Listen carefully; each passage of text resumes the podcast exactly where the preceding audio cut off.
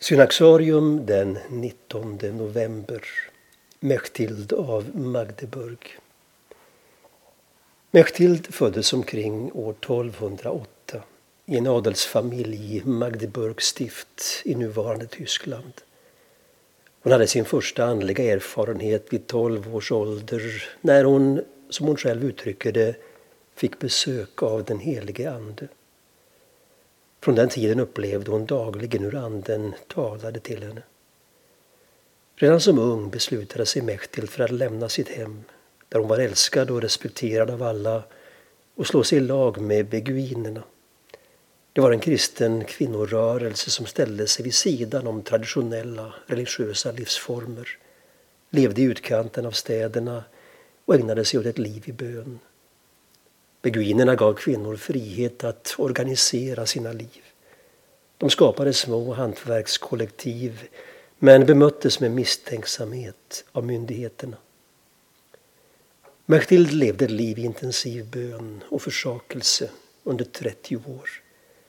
Ofta hade hon visioner och himmelska uppenbarelser.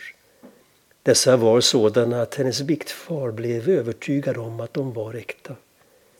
Men när han uppmanade henne att skriva ner sina uppenbarelser började svårigheterna för Mechtild. Hon kunde inte tiga med det svek hon såg hos många kyrkliga makthavare när de inte tog sitt ansvar som folkets herdar. Den kritik hon riktade mot präster och biskopar ledde till att hon mötte motstånd. Omkring år 1261, efter att en synod fördömt beguinerna anslöt sig Mechtil till ett cistercienskloster i Hälfta som gav henne skydd under de återstående åren av hennes liv. Här betraktade alla Mechtild som en kvinna som funnit särskild nåd hos Gud. Klostret i Hälfta blev ett viktigt andligt centrum, inte minst en tillflyktsort för kvinnor som upplevde trakasserier från den kyrkliga överheten.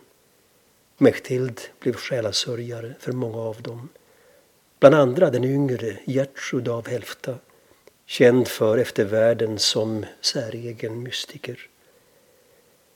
I Hälfta fortsatte Mechtild att skriva ner sina uppenbarelser och här fullbordade hon sitt andliga mästerverk, den bok vars namn hon sa sig ha fått av Gud. Den har titeln Gudomens flödande ljus. I denna beskriver hon med färgstarka bilder ljuset som flödar i den människas hjärta som ägnar sitt liv åt att meditera över Guds ord. Det äldsta bevarade manuskriptet till denna bok är från 1344 och förvaras i ett engelskt bibliotek. Mechtild dog omkring år 1290. Hon var då helt blind. Men hennes hjärtas ögon var vid insomnandet friskare och klarare än någonsin.